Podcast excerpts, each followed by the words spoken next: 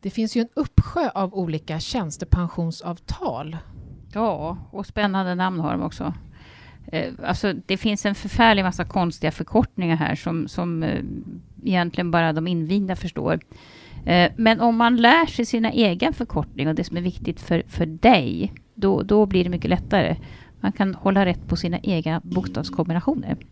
Eh, och för att nämna de här stora fyra största avtalen så kanske ni känner igen några av de här förkortningarna. Eh, A KAP-KL eller KAP-KL, det är om man jobbar inom kommun och landsting. Och PA16 heter det om man jobbar inom staten. Förut hette det PA03.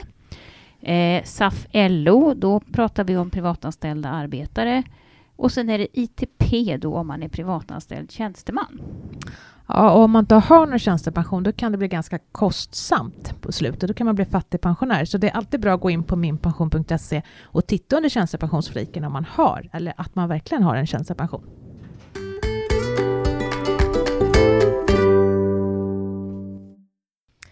Välkommen till Min Pensionspodden där vi idag ska prata om tjänstepensionsavtalet som gäller för privatanställda tjänstemän som då heter ITP. Och till vår hjälp så har vi Staffan Ström från Alekta. Välkommen och berätta lite om dig själv. Vem är du? Hej hej och tack för att jag får komma hit idag. Ja, jag heter alltså Staffan Ström och jag är en 42-årig tvåbarnspappa. I grunden är jag samhällsvetare och jag eh, jobbar som pensionsekonom på Alekta och det innebär väl att jag tänker på och skriver och pratar en hel del om tjänstepensioner. Jaha, men vad är Alekta för någonting då? Undrar man ju. Ja, det är faktiskt Sveriges största tjänstepensionsbolag kring eller efterlevandeskydd som det också kallas för ungefär två miljoner svenskar. Och framförallt så jobbar vi med privattjänstemännens pensionsplan ITP som vi ska prata om idag. Jaha, jag har en kompis som trodde att hon hade sin pension hos Collectum. Vad är det och hur hänger det ihop med er och ITP? Ja, din kompis är nog verkligen inte ensam om att, att tänka sådär. Eh, Collectum, det är vad man kallar för valcentralen för privattjänstemän. Och det innebär att när man börjar på ett jobb eh, så är det valcentralen Collectum som skickar ut information om tjänstepensionen. Det är där man väljer vilket bolag man vill ska förvalta pengarna och det är också de som skickar ut värdebesked, alltså pensionspapper en gång om året. Men eh, Collectum är inget försäkringsbolag och förvaltar inte själva några pensioner utan det är istället vi försäkringsbolag som gör. Det är vi som investerar pengarna och det är vi som betalar ut pension när man blir gammal eller sjukförsäkring om man blir sjuk. Okej, men vem är det som bestämmer hur det här avtalet ska se ut? Eh, vilka är det som förhandlar om det? Ja, det är de som kallas för arbetsmarknadens parter. Och eftersom ITP är avtalet för privatanställda tjänstemän så är det ju deras största organisationer, alltså de privatanställda tjänstemännens fackförbund och den privata arbetsgivarnas arbetsgivarförbund som tillsammans förhandlar hur det här avtalet ska se ut. Så um, båda de sidorna, arbetsgivare och arbetstagare, har varsin paraplyorganisation. Arbetstagarna heter PTK och arbetsgivarna heter Svenskt Näringsliv. Och där finns det erfarna, kloka, smarta pensionsexperter som förhandlar hur det här avtalet ska se ut. Mm.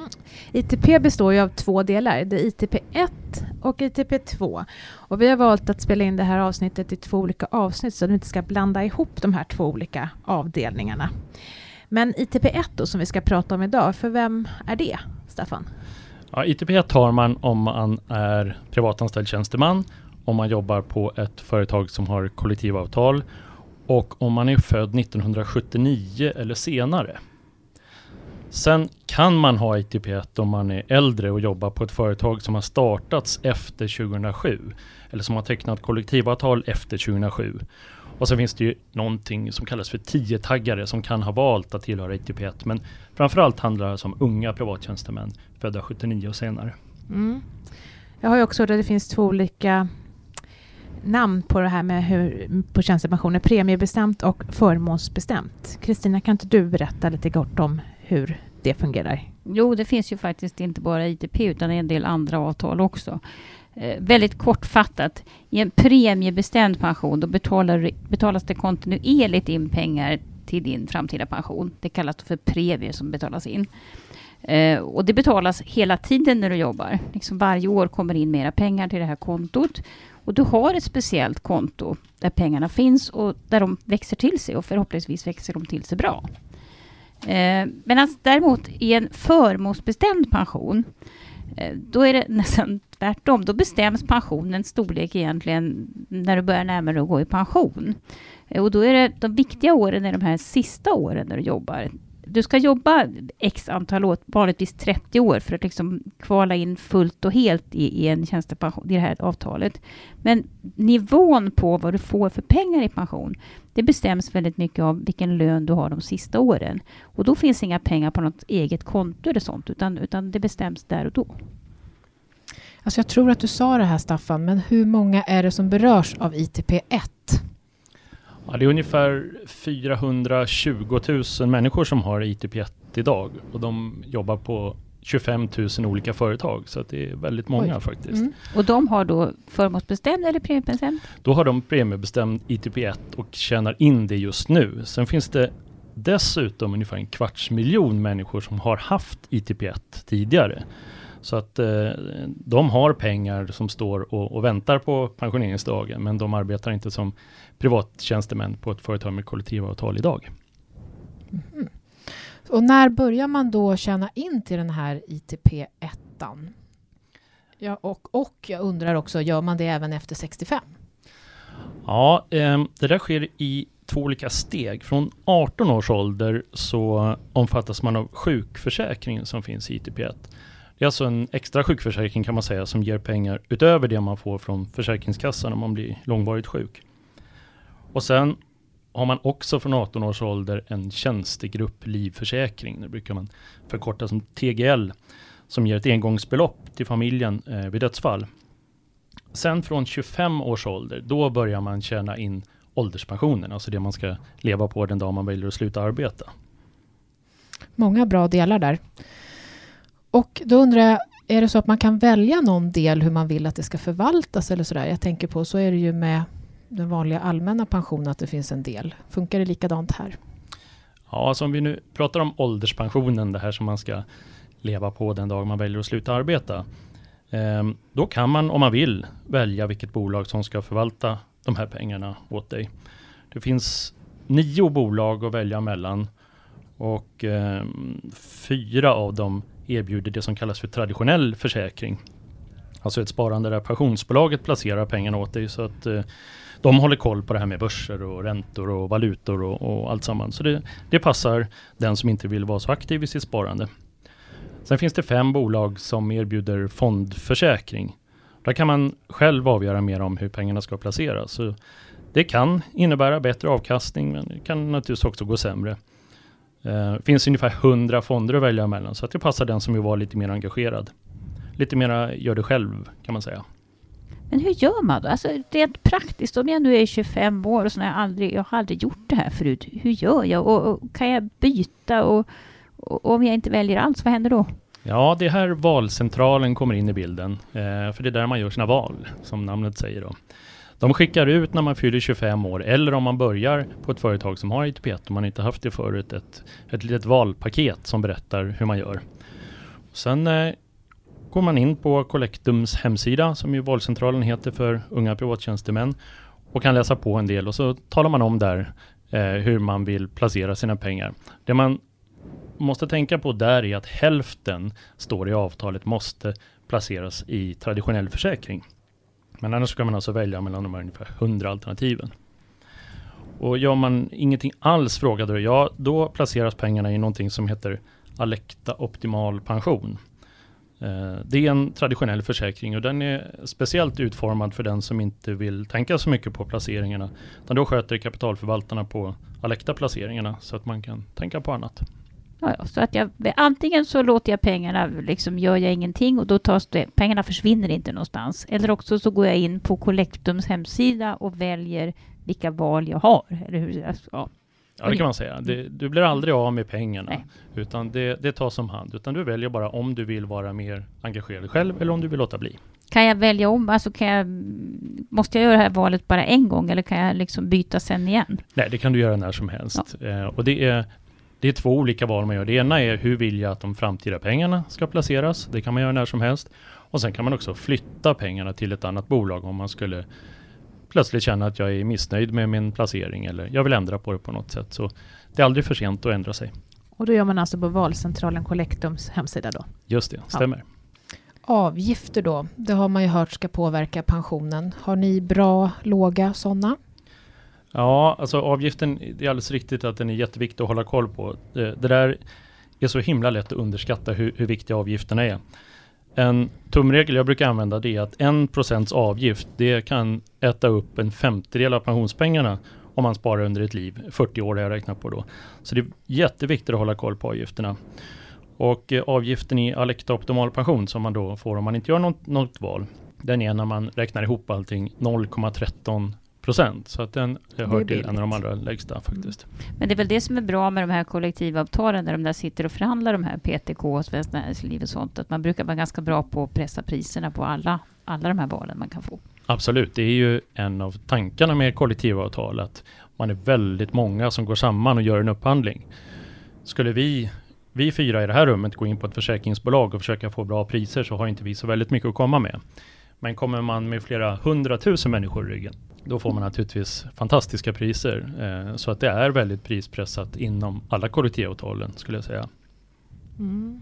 Det här med ITP då, det är ju väldigt många unga som är på det avtalet um, och kanske får barn och så. Hur funkar det med föräldrapenning? Får man någon liten extra avsättning när man är hemma och har, är hemma för barn? Ja, inom ITP så har man faktiskt tänkt på det där att man inte ska förlora så mycket tjänstepension på att vara föräldraledig. Så att i avtalet så är det ordnat så att man kan vara hemma med barn i 13 månader och då fortsätter inbetalningarna precis som, man, som om jag hade varit på jobbet som vanligt. Jättebra. Eh, så är man borta längre än så, då börjar det påverka pensionen. Men, men ett drygt år kan man vara hemma utan att det påverkar alls. Alltså. Men oh, nu blev jag nervös. Jag som har haft ITP 2. Fick jag något när jag var hemma med barnen? Det beror på vilken arbetsgivare du hade. Oh. Om det var någon som ville vara lite extra snäll. Därför att eh, i ITP2 så finns det ingen automatik utan då finns det istället en rekommendation att arbetsgivaren ska fortsätta betala i 11 månader.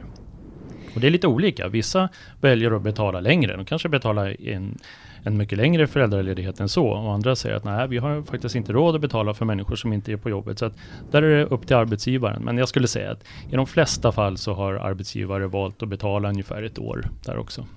Det här med föräldraförsäkringen då, kommer det automatiskt eller måste jag som anställd anmäla någonstans till någon kollektumcentral eller valcentral eller så? Nej, Nej det behöver du faktiskt inte utan det fixar arbetsgivaren. Mm.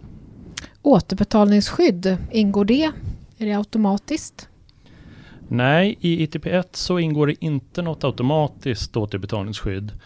Um, återbetalningsskydd är ju jättebra för familjen om det värsta skulle hända och du avlider. Men samtidigt innebär det här skyddet som återbetalningsskydd är att din egna pension blir lite lägre.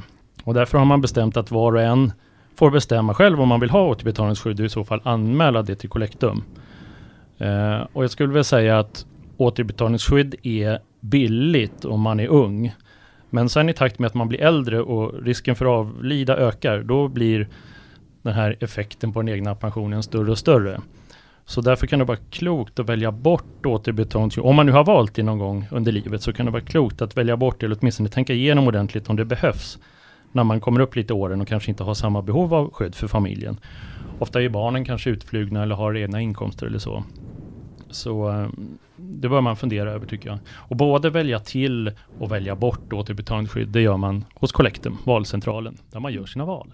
Ja, och återbetalningsskydd, det kan ju vara bra att säga, det kan man faktiskt inte gå in på min pension och kolla om man har eller inte, utan där får man faktiskt ta kontakt med Collectum eller, om, eller vilket bolag man eventuellt har någon annan tjänstepension i. Det, det finns inte än på minpension.se. En annan fråga, när vi är ute och träffar människor så där i, i verkliga livet så är det många som pratar om det här att ja, men har jag ITP då ska jag jobba till 62 år för då är jag fullbetald. Mm. Kallar de det för. Är det likadant inom ITP1? Blir man fullbetald här? Gud, nej, låter... nej, inte alls. Konstigt uttryck. Ja. Eller kanske inte heter, för man brukar säga så, va? eller hur? Jo. Ja, det är slutbetalad. Slutbetald, fullbetald. Ja. Nej, det där är en finess som finns i ITP2 för de som är födda 1978 och tidigare alltså. Eh, men inte i ETP1. Så för den som har ITP1 så finns det ingen magisk ålder i eh, det här 62 år som du nämnde nyss, utan man slutar när man känner att man har råd och lust att, sluta arbeta helt enkelt. Det kan ju vara bra, det blir inga inlåsningseffekter heller. Kanske Nej. lättare att byta arbetsgivare sent i livet. Och... Vad är fördelarna med ITP1 som du ser jämfört med ITP2?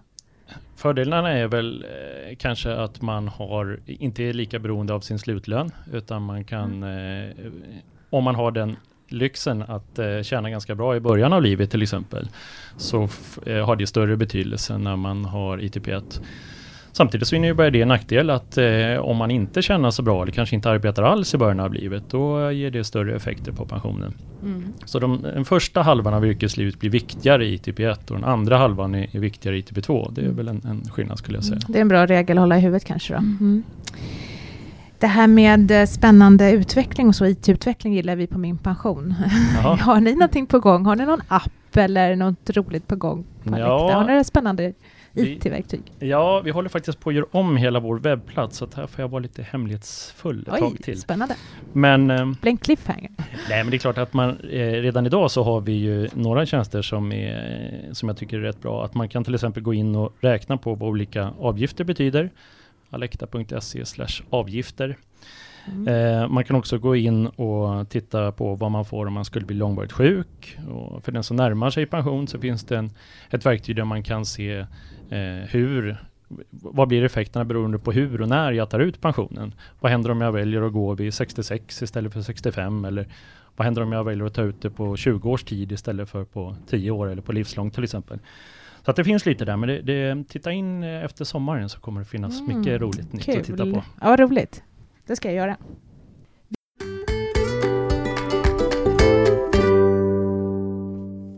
Vi har fått en fråga från en kvinna som undrar vad tempade uttag är för något och det undrar jag faktiskt också. Hur funkar det Kristina? Ja, det låter ju nästan som någon som har feber, men man Ja. måste ta tempen.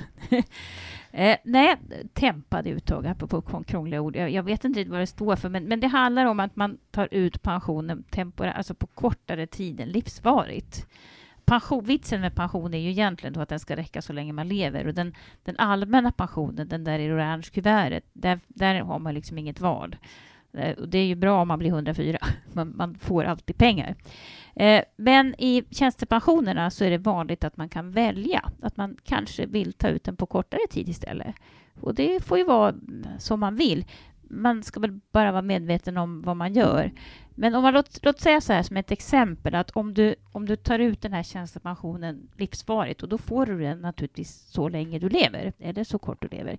Om man då skulle få 3 000 kronor i månaden den vägen så kanske om man tar ut den på fem år så kanske man får 13 000 i månaden istället under de där fem åren. Och det är klart, det kan ju... Vem vill inte ha mycket pengar? Men, men samtidigt så blir vi ju i snitt över 80 år i det här landet. Så att, eh, ja, tempat uttag är säkert bra, men, men fundera på liksom, effekten på lång sikt. Eh, och är det så att man, man har börjat med ett sånt här tempat uttag och så har man inte riktigt vetat vad man har gjort och så ångrar man sig och tänker gud så dumt. Eh, då går inte det att ändra på, men däremot så kan man då i så fall upphöra och ta ut den där orange pensionen, den allmänna pensionen istället för att liksom jämna ut skillnaderna lite grann. Det här är en podd som görs av minpension.se där du kan se hela din pension och göra pensionsprognoser. Vi som har gjort podden idag är jag, Ulrika och Kristina Kamp, Maria Eklund och Staffan Ström från Alekta. Vi finns på Twitter och Facebook och glöm inte att prenumerera på podden och om ni skriver ett litet omdöme om oss på iTunes så blir vi alldeles utomordentligt glada. Tack för oss idag. Tack! Tack så Hej då. mycket. Hej då. Hej då.